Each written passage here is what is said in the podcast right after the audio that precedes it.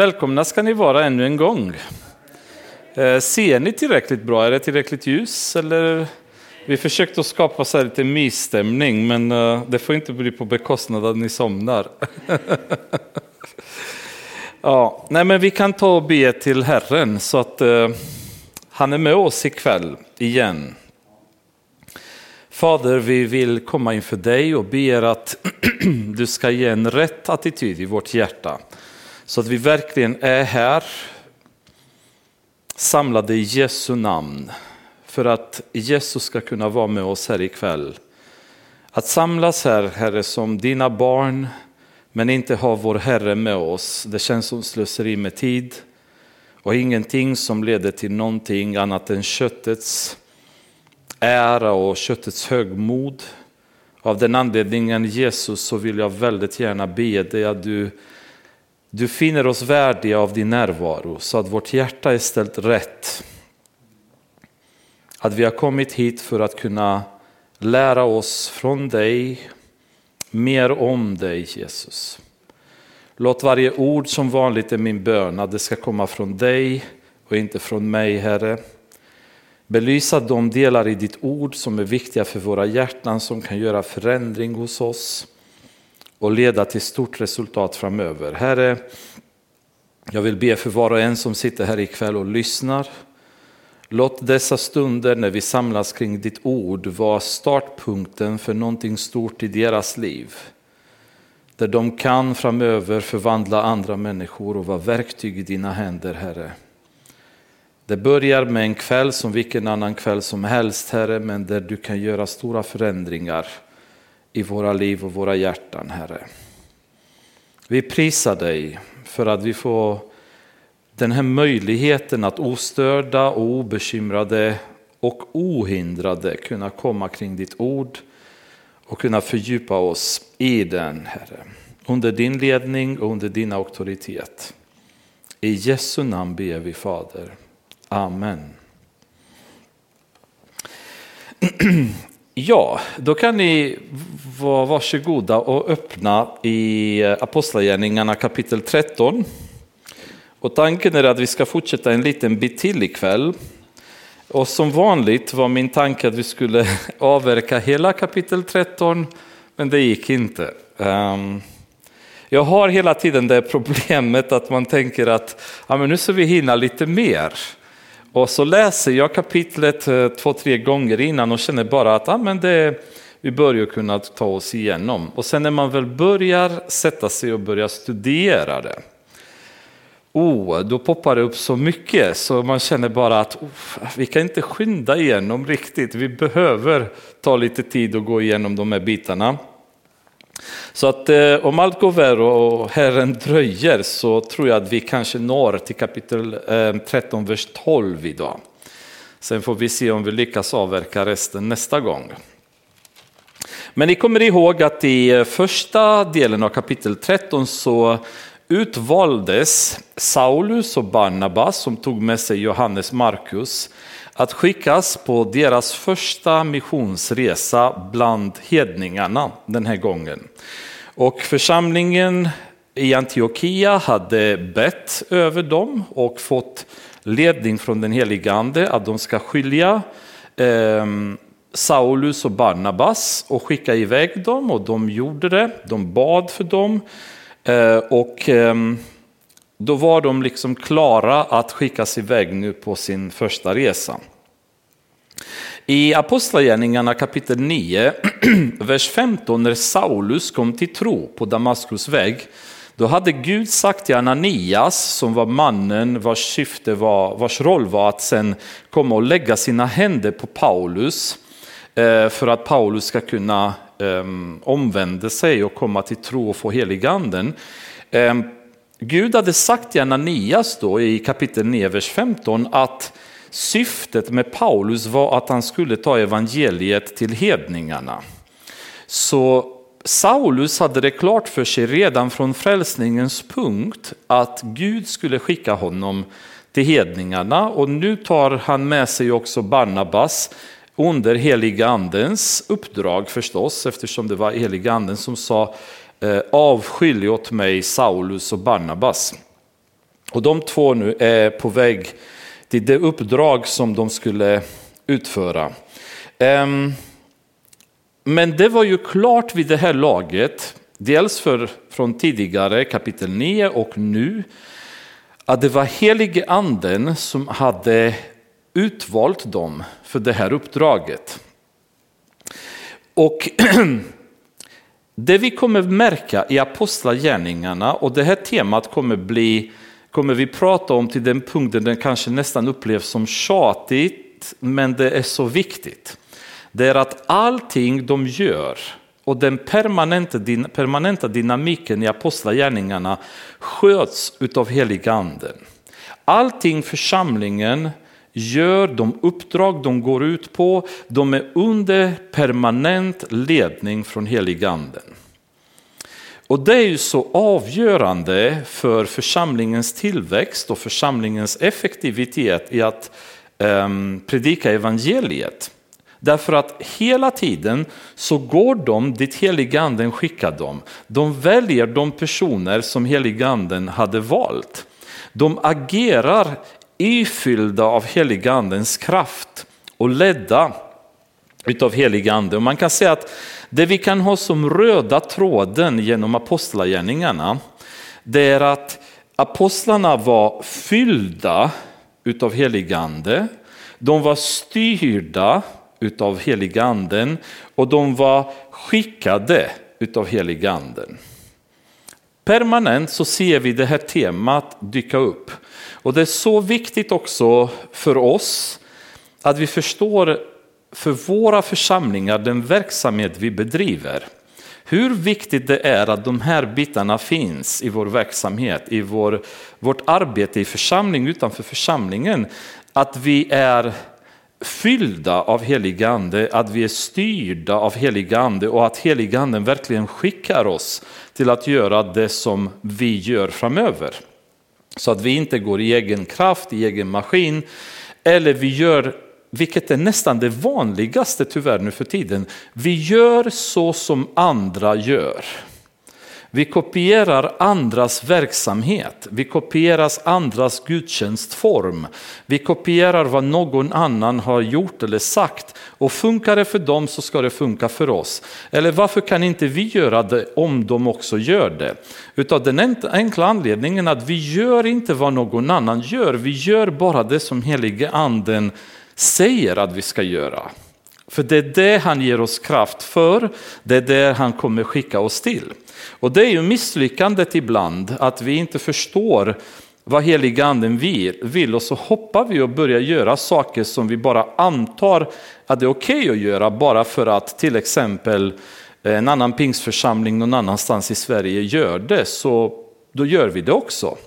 Men Gud agerar eh, inte på samma sätt med alla, utan han Gör en sak med Pingstkyrka Stöpen, en annan sak med Skogsro, en annan sak med Pingstkyrka i Skövde och så vidare. Och varje församling måste söka heliga anden för sig själv.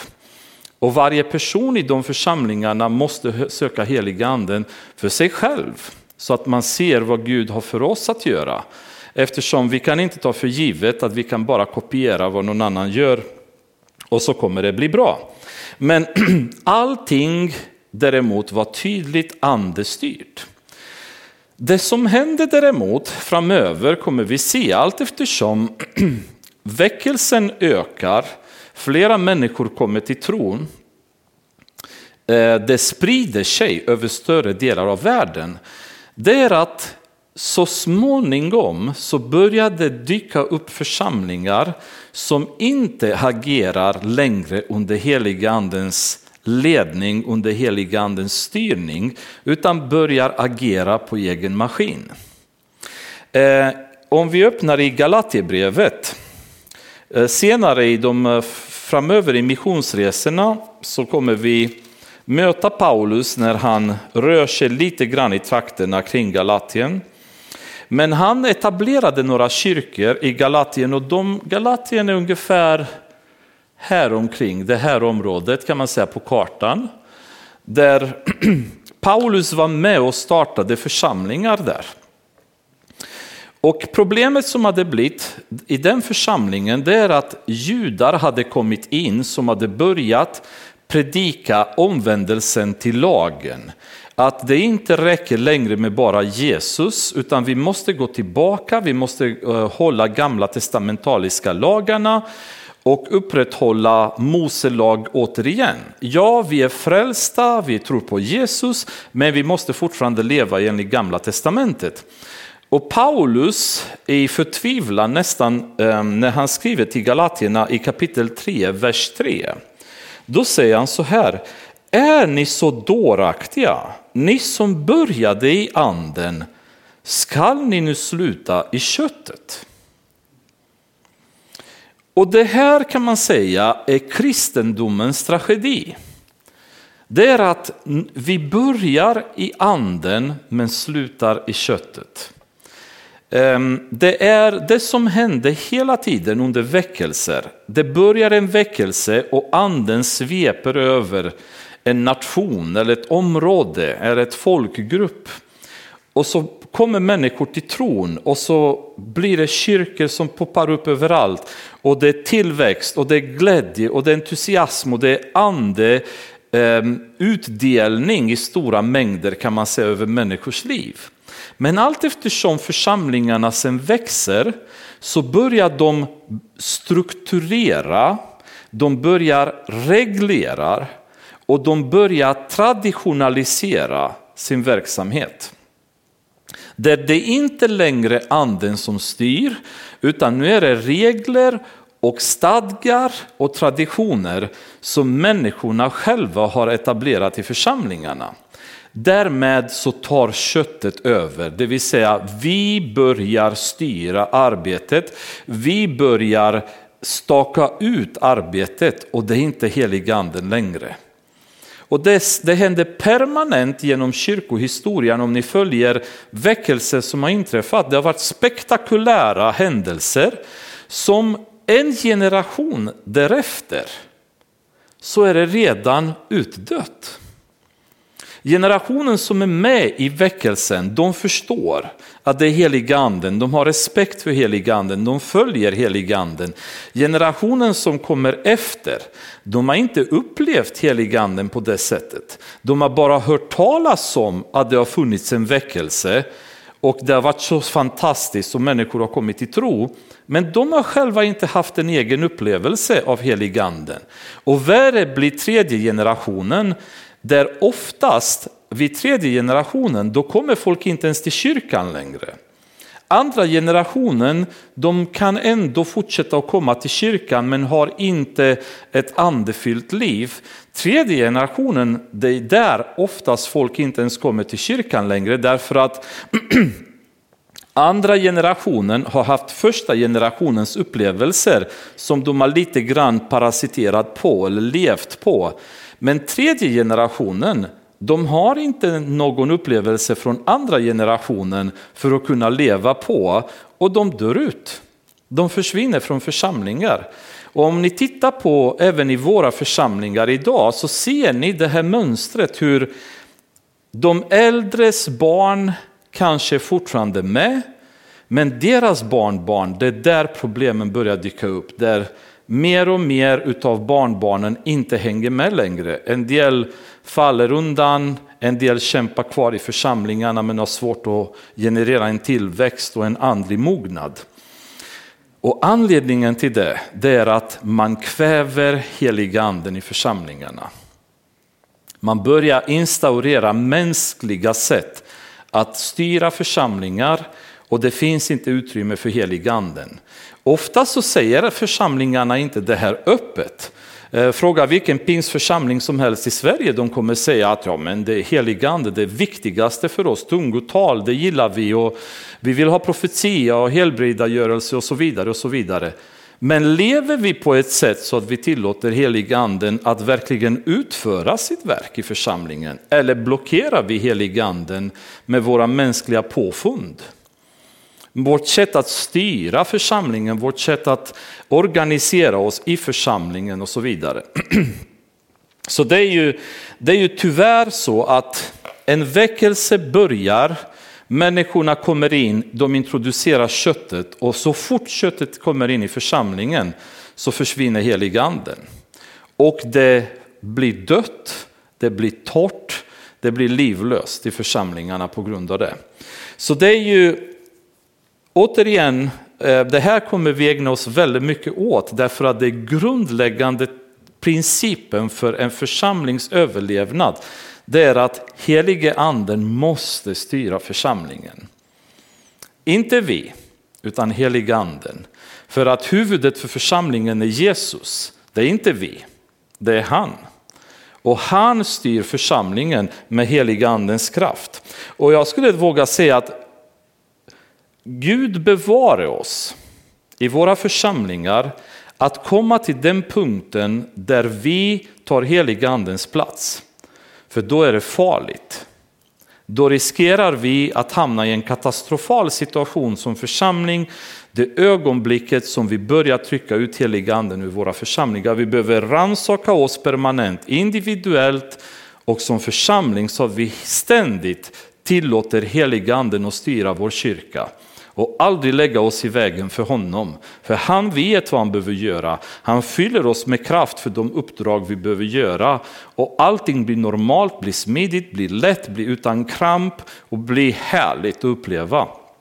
Snarare än att människor kommer in och lägger sig i. Och det är dåraktigt, säger Paulus till galatierna. Det är dumt med andra ord, det är idiotiskt om vi ska säga det på ren svenska, att börja i anden men sluta i köttet. Hur kan ni vara så dåraktiga, säger Paulus. Hur kan ni lämna den känslan av väckelse och tillväxt och glädje och utgjutning av gåvor i er församling och så lämnar ni detta för att gå tillbaks till lagen som skapar död, som skapar straff, som skapar elände brann er. För hade lagen fungerat, då hade inte ni behövt anden. Men anden har gjort att ni har vuxit. Och det är jätteviktigt att vi tänker på detta i våra församlingar. Jesus när han pratade om, om detta så sa han att man kan inte hälla i nytt vin i, i gamla vinsäckar. Utan man behöver nya vinsäckar när nytt vin ska komma in i. Och vi kan gå in i detaljer till varför och diskutera fermenteringsprocessen, men det tänker inte jag göra nu. Utan poängen är att på grund av att församlingarna genom tiderna har ständigt stängt ut helige anden från att fortsätta att verka bland dem. Varenda gång helige anden har velat göra en ny eh, väckelse så har detta skett allt som oftast utanför de etablerade församlingarna och inte i de etablerade församlingarna. Därför att de hade blivit så stela, så traditionella, så kötsliga så Gud har inte kunnat verka i dem längre och startat något nytt någon annanstans. När någon människa eller en grupp människor har fått nöden på deras hjärtan och börjat agera under heligandens ledning, puff, en ny väckelse uppstår. Men det är väldigt tråkigt och väldigt tragiskt att det inte får ske i de etablerade församlingarna. Att vi har blivit så traditionella och så stela och så kötsliga så att heliga anden inte kan använda oss längre. Vi är gamla vinsäckar, det är nytt vin. Nya människor som kommer till tro, nya människor som upplever frälsning, de kan inte komma till oss. I vår i min stad där jag kom ifrån så började jag när jag var 17 år. Vi gick ut och började evangelisera på gatorna. Och väldigt många människor blev frälsta. Och det fanns ju etablerade församlingar i stan. Så vi skickade dem till de etablerade församlingar. Det var främst en pingstförsamling och en baptistförsamling. Då. Ehm, men de här människorna som kom till tro, de var lite annorlunda. De var inte de propra eh, kostymklädda kristna då som var tidigare i de här kyrkorna, utan det var unga människor, väldigt många av dem var rockare, för vi brukade gå, det fanns ju rockbarer, så vi var in i barerna där och, och evangeliserade väldigt många av dem, och, och en del kom till tro. Och de var liksom med stora läderjackor med spikar på sig och en del lite långhåriga och så vidare. Och det, det var svårt, alltså församlingarna klarade inte att ta emot dem. Eh, de, de, de, kunde inte komma in i de etablerade församlingarna. Och det blev en, en, en, en problematisk situation, för vi tillhörde själva sådana församlingar. Vi kom från baptistkyrkan eller pingstkyrkan och så vidare. Och vi kände plötsligt att de här människorna som vi kämpar för gat, på gatorna för att få till Jesus, de tas inte emot av etablerade församlingarna. Och då hade vi inget val än att vi drog igång ett eget bibelstudium hemma hos en av eh, vännerna där och så samlade vi dem hemma där. Och då var vi liksom 10, 15, 20 och så kunde man sitta på golvet och i trappan och överallt och ha liksom lovsång och bibelstudier. Men sen växte det mer och mer och mer. Vi fick inte plats i det där lilla huset.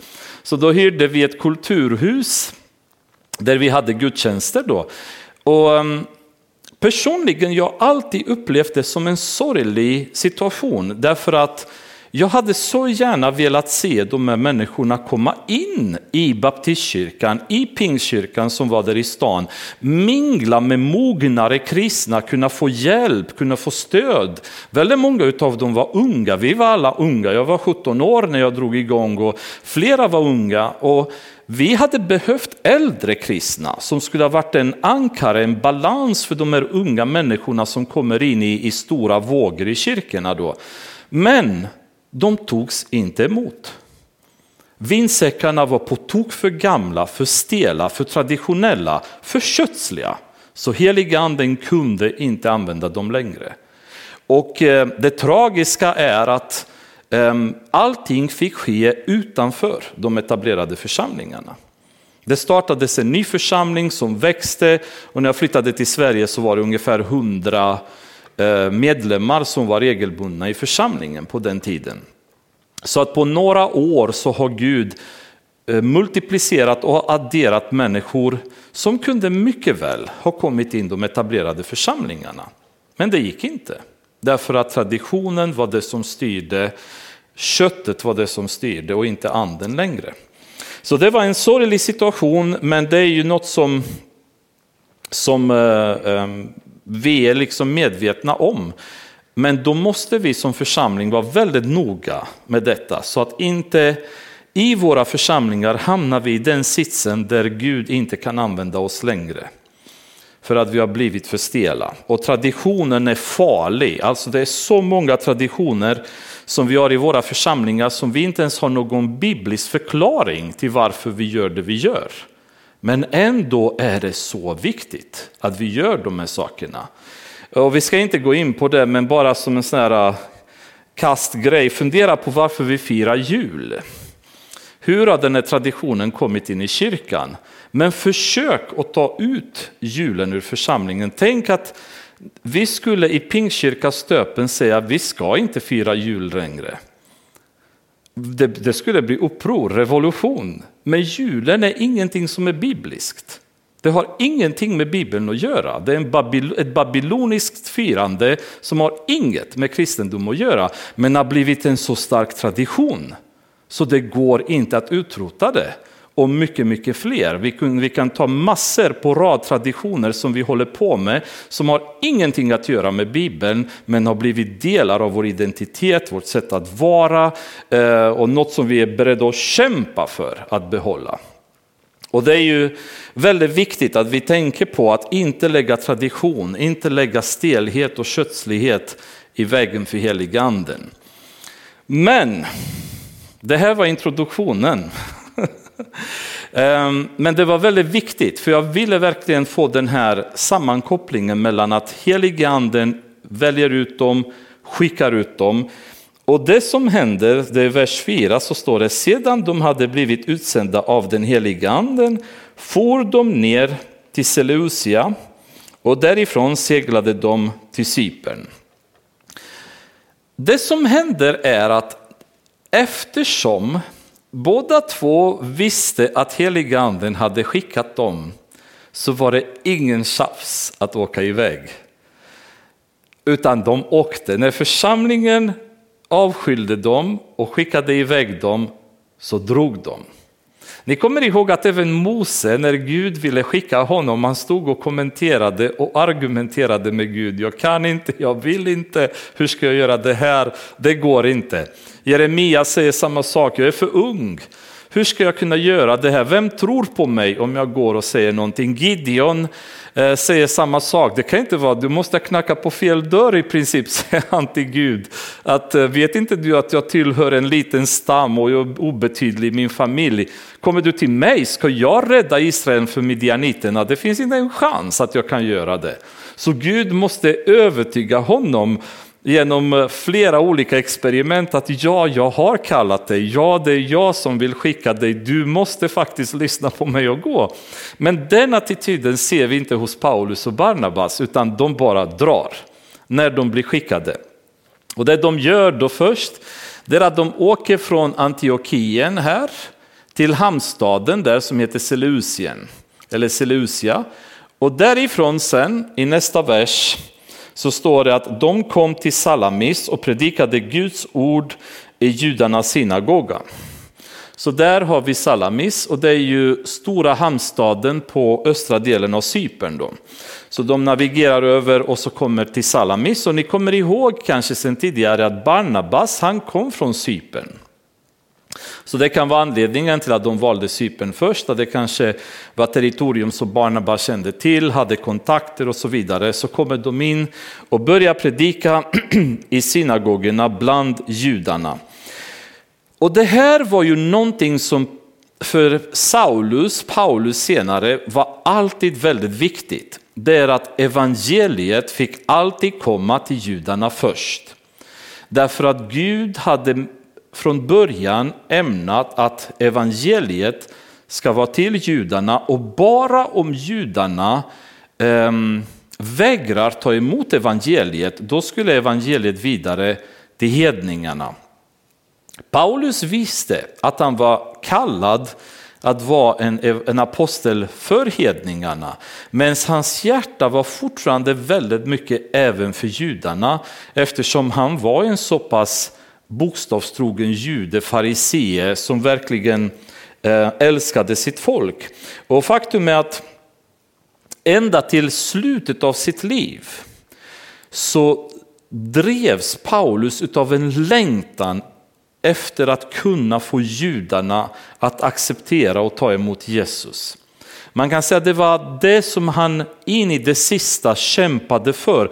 Det var anledningen till att han åkte till Jerusalem Även om han visste att han skulle tillfångatas så valde han att åka dit bara för att det var så viktigt för honom att få en möjlighet att predika evangeliet för prästerna, för fariseerna, för saduceerna, för stora rådet, för etablissemanget i hopp om att de kommer förstå Jesus. Han brann väldigt mycket av längtan efter att kunna propagera för dem. Och i Romarbrevet vers 1 Eh, kapitel 1, vers 16 säger han så här, jag skäms inte för evangelium. Det är Guds kraft som frälser var och en som tror. Först juden, sedan greken. Så han säger ju väldigt tydligt där att vi måste först gå till judarna, sen, sen går vi till grekerna, det vill säga till hedningarna. Och i Romarbrevet kapitel 9, vers 3 och 5, där förklarar Paulus hur han själv hade helst önskat att bli förbannad istället för judarna själva. Han skulle helst ta på sig deras synd, deras förbannelse bara för att de skulle få möjlighet att lära känna Jesus. Så han verkligen älskade sitt folk. Han ville så gärna att de skulle lära känna Jesus. Och det är ju sättet vi kommer se honom agera i apostlagärningarna. Han går alltid och söker sig först till synagogorna. Så de kommer i Salamis, började predika i synagogorna. Ehm, och de hade också med sig Johannes som medhjälpare. Så han kanske var med, jag vet inte, lite materialare eller vad hans roll var på resan, det vet vi inte exakt. Men han var ju där för att hjälpa Saulus och Barnabas. Sedan for de över hela ön ända till Paphos. Där träffade de på en jude som bedrev trolldom, en falsk profet vid namn Bar Jesus. Så de åker, de drar över hela ön från Salamis hela vägen till Paphos på öns västra sida. Ehm, och Paphos var ju huvudstaden för ön vid den tiden då, så det var storstaden dit de, de kommer. Men där fanns det en jude som bedrev trolldom. Och det i sig visar att den här mannen var ganska genomkorrupt och ond därför att enligt gamla testamentet så var det ju eh, otillåtet att bedriva trolldom enligt lag.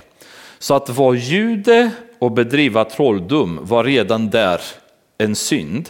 Men dessutom så var han en falsk profet, vilket också enligt gamla testamentet förstås var en väldigt allvarlig synd för vilket man kunde bli stenad till döds. Enligt gamla testamentets regler. Så det var en uppenbarligen en mycket korrupt människa som hängde där i Paphos. Eh, och han höll till, står här, hos landshövdingen Sergius Paulus som var en förståndig man. Denne kallade till sig Barnabas och Saulus och ville höra Guds ord, men Elimas, trollkaren, det är vad hans namn betyder, gick emot dem och försökte hindra landshövdingen från att komma till tro. På den tiden så var det inte helt ovanligt att statsmän, statsråd, de omgav sig utav trollkarlar, häxor, häxdoktorer, medier och så vidare eh, genom vilka de skulle få råd och de skulle få eh, eh, anvisning om vad de ska göra eller tycka och tänka. Ganska vanligt förekom det, vi möter likadana situationer även i gamla testamentet. Men även i vår tid så är detta inte helt ovanligt faktiskt. Jag vet inte om eh, någon, några av er har hört om Gene Dixon. Nej, den eh, amerikanska som var väldigt inne i new age och um, påstod sig själv ha mediala krafter och kunna liksom kommunicera med andar och så vidare. Och hon var under många år rådgivare till väldigt många av amerikanska presidenterna. Nancy Reagan till exempel, eh, Ronald Reagan var en relativt konservativ president men hans fru permanent konsulterade medier och eh, ja, tog råd helt enkelt från dem kring eh, olika beslut som behövde tas av amerikanska presidenten. Det är ganska skrämmande att de här människorna egentligen styr ett land som tar råd och arbetar med sådana.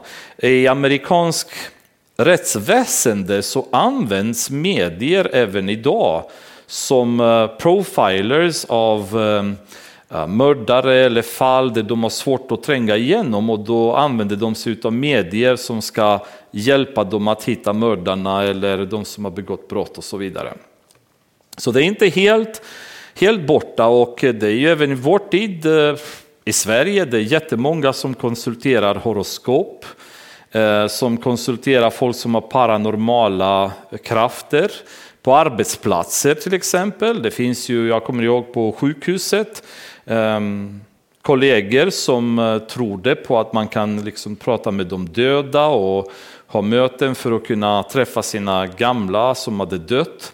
Så det är inte helt ovanligt i vår tid att det här förekommer och det finns ett antal olika sådana, alltifrån parapsykologi till new age till en massa olika företeelser där um, människor agerar som rådgivare i olika sammanhang. Och den här mannen var ju en sån, en genomkorrupt person som var en falsk profet, bedrev trolldom, men han, han var rådgivare till landshövdingen Sergius Paulus, som dock, eh, förstår vi här, var en förståndig man. Så det var en, det var en god människa, den här landshövdingen. Och eh, i, eh, i vers 8 det står att när Saulus kom i kontakt med Sergius Paulus, då rycker den här trollkaren in och börjar motarbeta Saulus eh, tal helt enkelt, eller det evangelium som han säkert ville predika. Och det här har Jesus faktiskt själv varnat oss att det kommer inträffa. I Matteus kapitel 13, ehm, vers 24 och 25 beskriver han ett fall eh, hur en man går och sår ett fält med god säd. Men under natten när han och sina tjänare sover så kommer en, en av hans fiender och sår ogräs bland den fina sådden. Så han varnar oss att det ögonblicket då Guds ord kommer börjar eh, predikas, då kommer vi få motstånd från Satan. Och den, det motståndet kan vara i form av hån som kommer uttryckas emot ordet. Det kan vara viloläror som kommer spridas så att de maskeras och de låter ungefär som Guds ord fast de är ändå inte det. Och på så vis, på så vis kunna eh, förleda människor i, i att inte ta emot Guds ord. Det kan vara rena lögner, det kan vara direkta förföljelser. Men vi behöver vara på det klara med att Satan kommer aldrig acceptera att vi predikar Guds ord utan att han gör motstånd. Och det här var en mer pervers sätt som, eh, som användes, det vill säga att trollkaren, han säkert gick till landshövdingen och satte motargument att du får inte tro på det här, du kan inte acceptera det här, det här stämmer inte, så är det inte och så vidare. Då. Och det är intressant hur alltid om ni tänker om ni har mött människor som sysslar med paranormala aktiviteter. Återigen om vi pratar medium, om vi pratar parapsykologi, om vi pratar um, new age som är en hel cocktailblandning av olika sådana beteenden. Hur alla de här människorna är väldigt emot Jesus och evangeliet.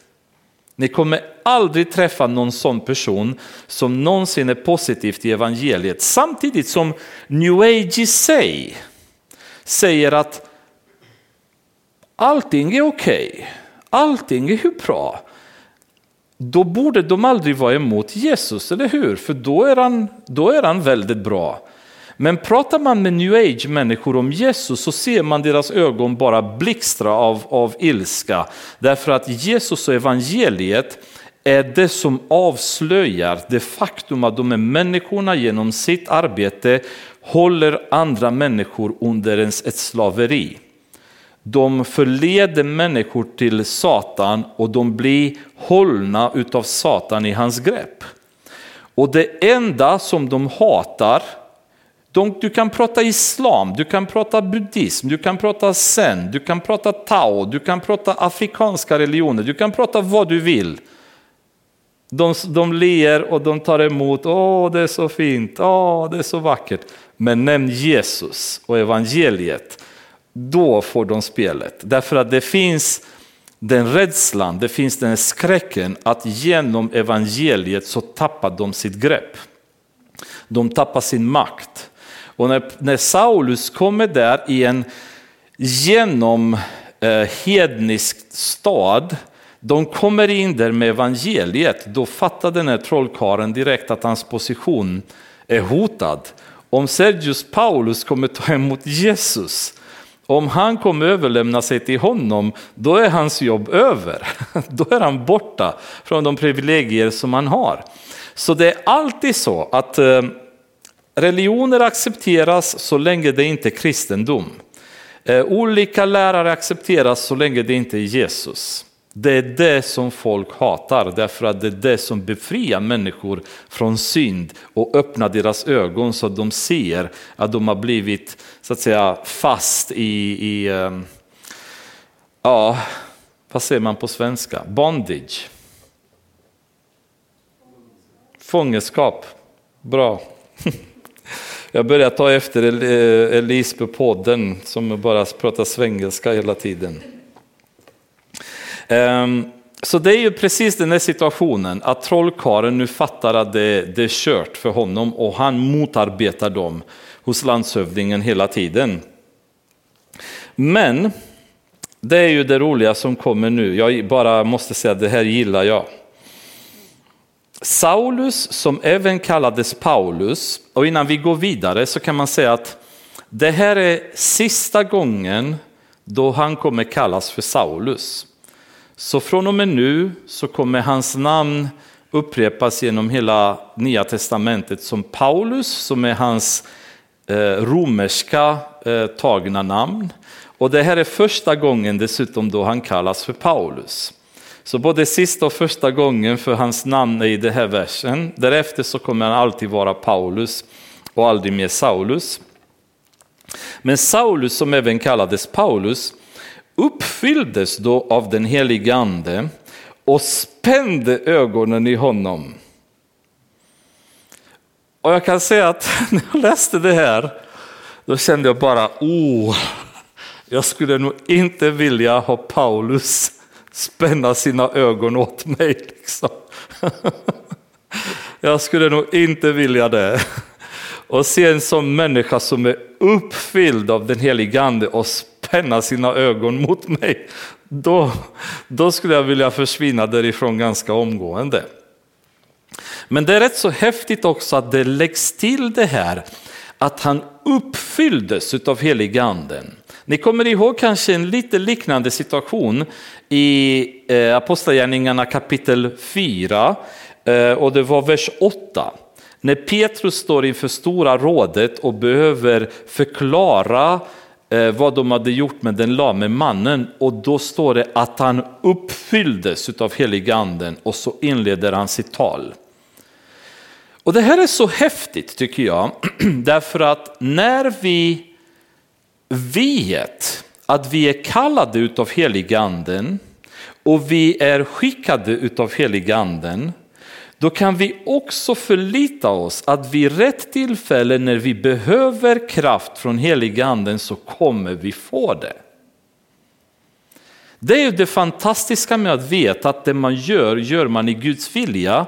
Då vet jag att jag får kraft när jag befinner mig i kritiska situationer, i kniviga situationer eller i osäkra situationer. Då kommer jag fyllas av heliganden och då kommer jag göra rätt ifrån mig.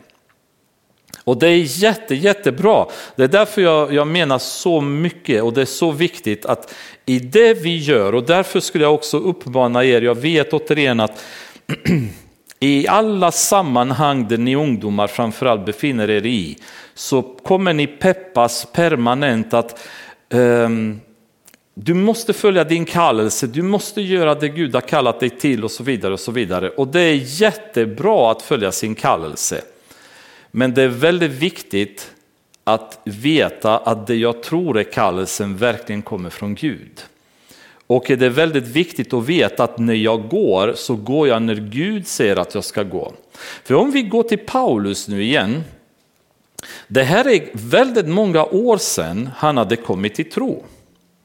Och han redan från början visste från Ananias att han hade kallats av Gud att gå och ta evangeliet till de hedningar som fanns runt omkring.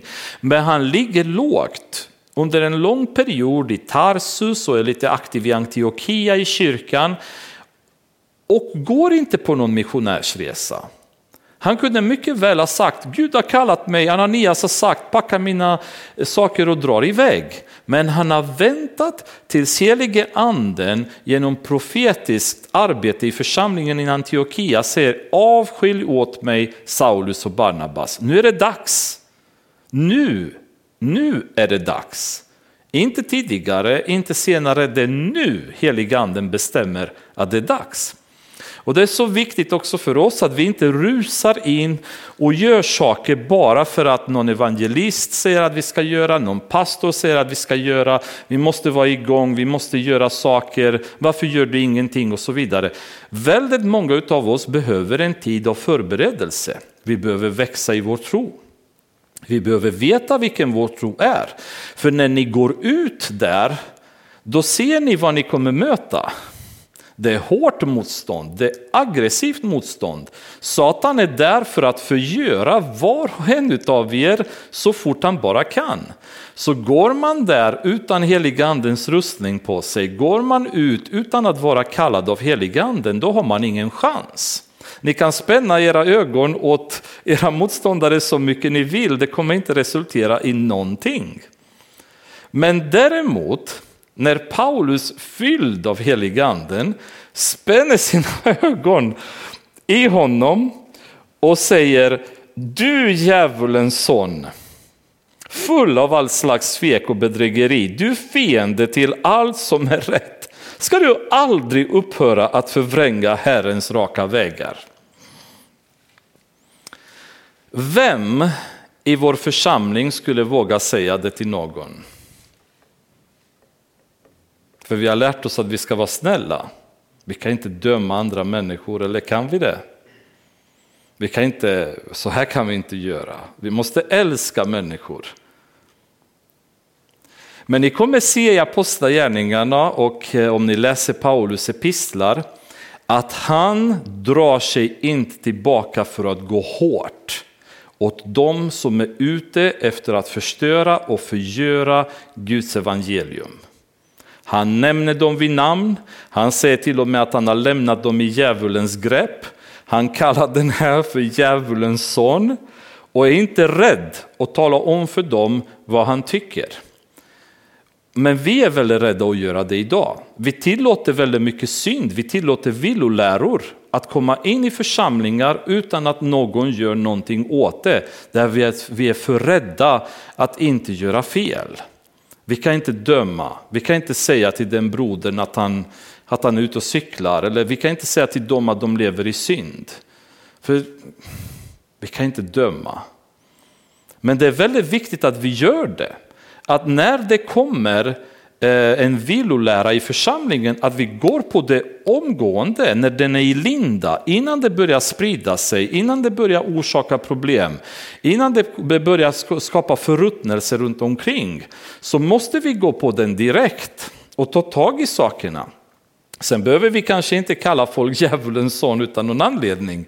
Men i det fallet så såg Paulus rakt igenom honom, han var i Satan styrd, han arbetade åt Satan med trolldom och han var en falsk profet och nämnde honom direkt vid namn utan att ens eh, tveka. Och, och återigen spände sina ögon mot honom och talade om för honom vad han tyckte omgående. Och det här tyckte jag är väldigt bra. För i församlingar, vi har eh, herden, alltså pastorn, äldstekåren, de är de vars uppgift är att ta hand om församlingen och mata församlingen och vårda församlingen, visa kärlek och så vidare. Men jag hävdar att det vi behöver i församlingar också, det är det som en, eh, en fårflock oftast har, det är vakthundar. De behövs i församlingen. Och en gåva som dessa har och som nämns i Nya Testamentet är gåvan att skilja mellan andarna. Sådana människor som sitter i församlingen och snabbt och effektivt identifierar villolära, identifierar när någonting som inte stämmer med Guds ord kommer in i församlingen och angriper det. Och de är inte populära, de är oftast hatade i församlingen, de är människorna. Men deras uppgift är gudagiven och alldeles för nödvändig för oss för att vi ska vara friska församlingar. För tack vare många av dessa så hålls vilolärorna ifrån församlingen och varenda vilolära, varenda syn som penetrerar församlingen orsakar smärta, orsakar förödelse, orsakar splittringar, orsakar nöd i det långa loppet. Så att dessa människor finns är väldigt viktiga för församlingen. Eh, men visst är de inte populära, för vakthundarna ibland biter fåret för att få fåret in i, i rätt, rätt nivå kan man säga, rätt, rätt led. Eh, men de gör det därför att det är deras uppgift att hålla reda på dem. För att då kan herden lättare styra församlingen. När du har vakthundarna som gör sitt jobb och håller allt det här ifrån, då kan herden ägna sig åt jobbet av att ta hand om fåren, mata fåren, vårda fåren. Då. Och då har man resten som gör det här jobbet. Och det är ett otacksamt jobb, man får sällan ett tack, de som gör det jobbet. Men en dag så kommer Gud ta emot dem i himlen och tacka dem själv. Eh, och man, man får nästan vara van vid att aldrig få tack om man någonsin har den här uppgiften. Eh, vi hade en i vår församling, en sån kille som ehm, personligen fick jag ständigt försvara honom därför att alla gnällde på honom. Därför att så fort han kom på att någon var ute och cyklade, då gick han med ordet till dem. Du vet att det står här så och så och så och så. Varför fortsätter du att göra det när det står klart att du inte ska göra det? Och det var inget vad folk ville höra. Ingen vill höra att jag lever i synd eller att jag inte sköter mig. Alla vill göra att, ja men broder, det blir nog bra och så vidare. Men han var så noga med att ständigt gå och söka upp folk. Jag tyckte aldrig att han gjorde, gjorde det med elakhet. Han hade en väldigt tydlig omsorg i sitt sätt att agera. Men han var en permanent vakthund och ingen gillade honom direkt i församlingen. I alla fall i början, allt eftersom tiden gick så blev han mer och mer uppskattad därför att de såg resultatet av hans, av hans arbete. Men han var så värdefull för församlingen att han ständigt var där och som en, en, så att säga, en klippa som inte tillät vilken våg av doktrin som helst att svepa över församlingen utan stoppade det ständigt tidigt. Då. Men Paulus han konfronterar honom, talar för honom vad han tyck, om för honom vad han tycker att han bara försöker att förvränga Herrens raka vägar.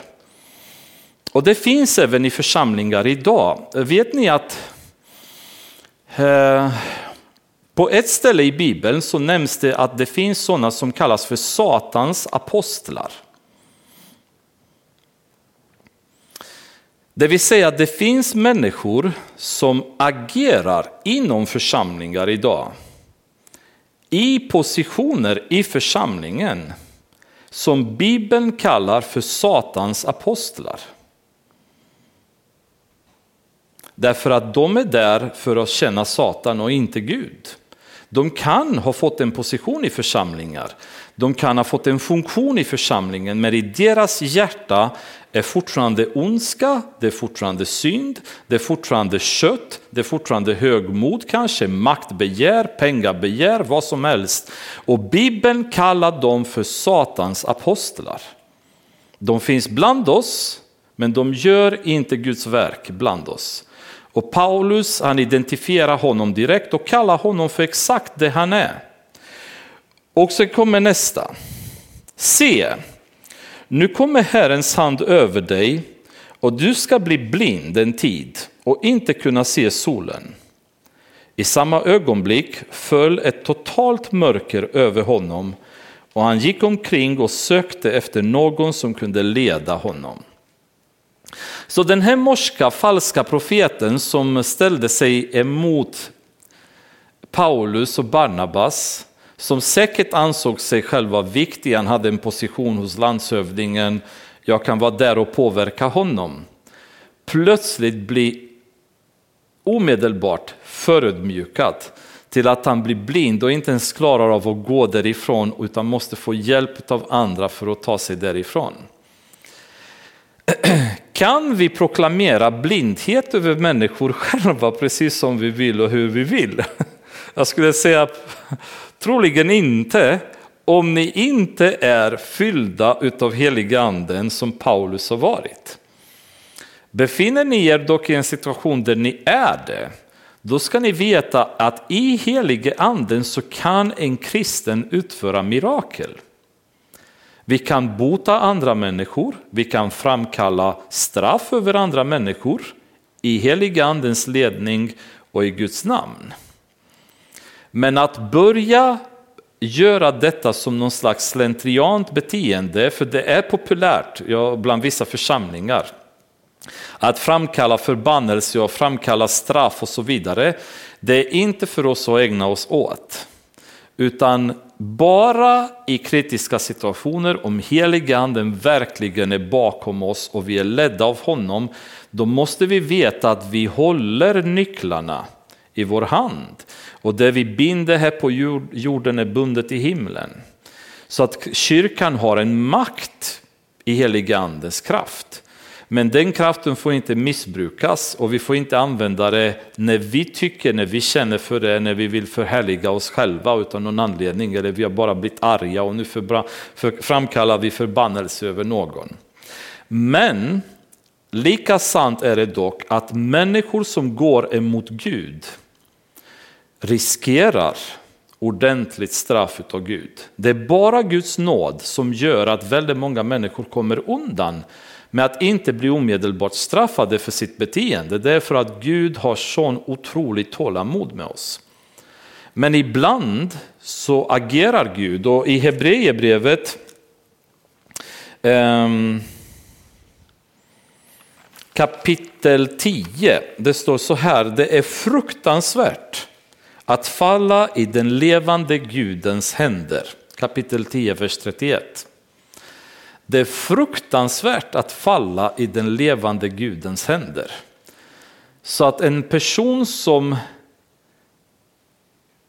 som inte slutar att kämpa mot Gud riskerar att ha med honom att göra och det är fruktansvärt att hamna i Guds händer. Och jag vill avsluta med ett eh, exempel som jag själv har hört om detta från en, en pastor i USA för um, jag kommer inte ihåg om jag nämnt det här förut, men för, det finns något som heter Jesus Only Movement. Det var populär för ett antal år sedan.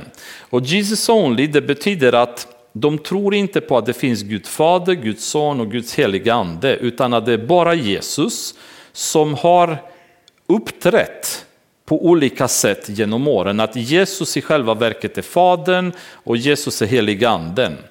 Vilket är ju fullständigt obibliskt eh, lära då. Och eh, en pastor hade i sin församling en grupp som hade fastnat i den här Jesus only rörelsen och de började propagera väldigt mycket i församlingen så han till slut fick konfrontera dem och säga till dem att nu, nu får ni lugna ner er, det här är inte bibliskt, ni kan inte hålla på och predika sånt. Han som var lite ledaren kan man säga bland dessa, han kom till pastor en dag och säger att eh, jag har haft en dröm och i den drömmen så, så har Gud talat om för mig att om du inte accepterar den här läran då, så kommer du dö. Och jag såg i drömmen att om två veckor så låg du i en kista. Och pastorn sa till honom ungefär som att ja, det får vi väl se ungefär hur det kommer sluta. Och man kan tycka att det, jag, jag, jag har hört väldigt mycket eh, galna profetier i kyrkor genom åren. Det finns fortfarande mycket sånt. Folk som pratar sina egna idéer och tankar och, och så vidare och säger så säger Herren. Det, det förekommer jättemycket även idag. Um, så man skulle kunna säga, okej okay, jag hade tagit det här som en ytterligare en galen sak som sägs av en person som kanske mer eller mindre tror på en syndig lära. Men till saken hörde att exakt två veckor senare så dog den mannen. Och som pastorn sa sen, inte med att han kände någon glädje över det, men han sa att han såg någon ligga i kista, men han såg fel person förmodligen. Så han, han blev straffad av Gud ganska radikalt. Varför just i det här tillfället ansåg Gud att straffet behövde vara så, så hårt? Det vet vi inte. Men en sak så ska vi veta att vi kan inte gå emot Gud. Vi kan inte gå emot heliganden ostraffade. Så när ni är ute och um, och evangeliserar och pratar med människor så kommer ni möta de här som är limas. Som kommer baktala er, de kommer ljuga om er, de kommer försöka att förfölja er, de kommer försöka att undanröja er, marginalisera er, frysa ut er och så vidare. Vad medvetna om att den som är med er är starkare än den som är i världen. Och ni behöver inte bli missmodiga, ni behöver inte bli besvikna, utan ni kan bara ånga på vidare. För när tiden är inne så tar Gud tag i dem. Och ibland så blir det olyckligt slut, eller lyckligt slut, det vill säga den som har varit en stor motståndare av er kan bli själv kristen. Vi har Saulus egna exempel som har varit en stor motståndare av kristna och som omvänds han av Gud. Det händer också, men det kan också bli tvärtom att de personerna blir väldigt, väldigt bestämt bortröjda utav Gud. Så ehm, vi stannar här. Men till sist så avslutar vi med vers 12 som är fantastiskt trevlig. När landshövdingen såg det som hände kom han till tro, slagen med häpnad över Herrens lära. Ja, det är så härligt. För först så hörde han läran. Men sen som det står, ni kommer predika evangeliet och i kölvattnet av det så kommer Gud också utföra mirakel genom er. Och när landshövdingen ser den här kombinationen av en fantastisk lära men som också bevisas genom heliga andens kraft, ja vad annat kunde han göra än bara bli frälst. Och det är så härligt att se att han var verkligen en förståndig man. Och ni ser kraften med vilket evangeliet redan börjar sprida sig, där landshövdingen för hela Cyperns ö blir frälst bara dagar efter att Saulus och Barnabas sätter fot på ön. Och så kommer det fortsätta framöver. Fader, vi tackar dig för de exempel av människor som ska ge oss glädje och uppmuntran i vår tjänst inför dig, Herre som påminner oss om vikten av att ständigt vara lyhörda till din heliga Ande. Fader, jag ber för var och en som är här ikväll, mig inkluderat, Herre, att du ska bara rensa bort all världslighet ur våra liv. Rensa bort våra tankar, våra sinnen, vårt hjärta från allt som heter värld och synd. Och öppna upp våra ögon för dig, Herre. Låt oss att i allt, Herre, följa dig och vänta på din ledning. Förlita oss också på din hjälp och aldrig på vår egen vishet, vår egen intelligens eller vår egen kraft. Att försäkra oss att vi följer ditt ord och förlita oss på att du tar hand om allt i din tid och på bästa möjliga sätt, Fader. Välsigna var och en som har varit här ikväll. Välsigna veckan som kommer framöver. Ha din hand över dem, guida dem i varje beslut de behöver ta. På jobb, i skolan, i relationer med andra människor. Låt var och en vara ett ljus för dig Jesus. Att människor ska se på dem och bara längta efter att följa dig. I ditt namn ber vi Herre Jesus och överlämna oss i dina händer. Amen.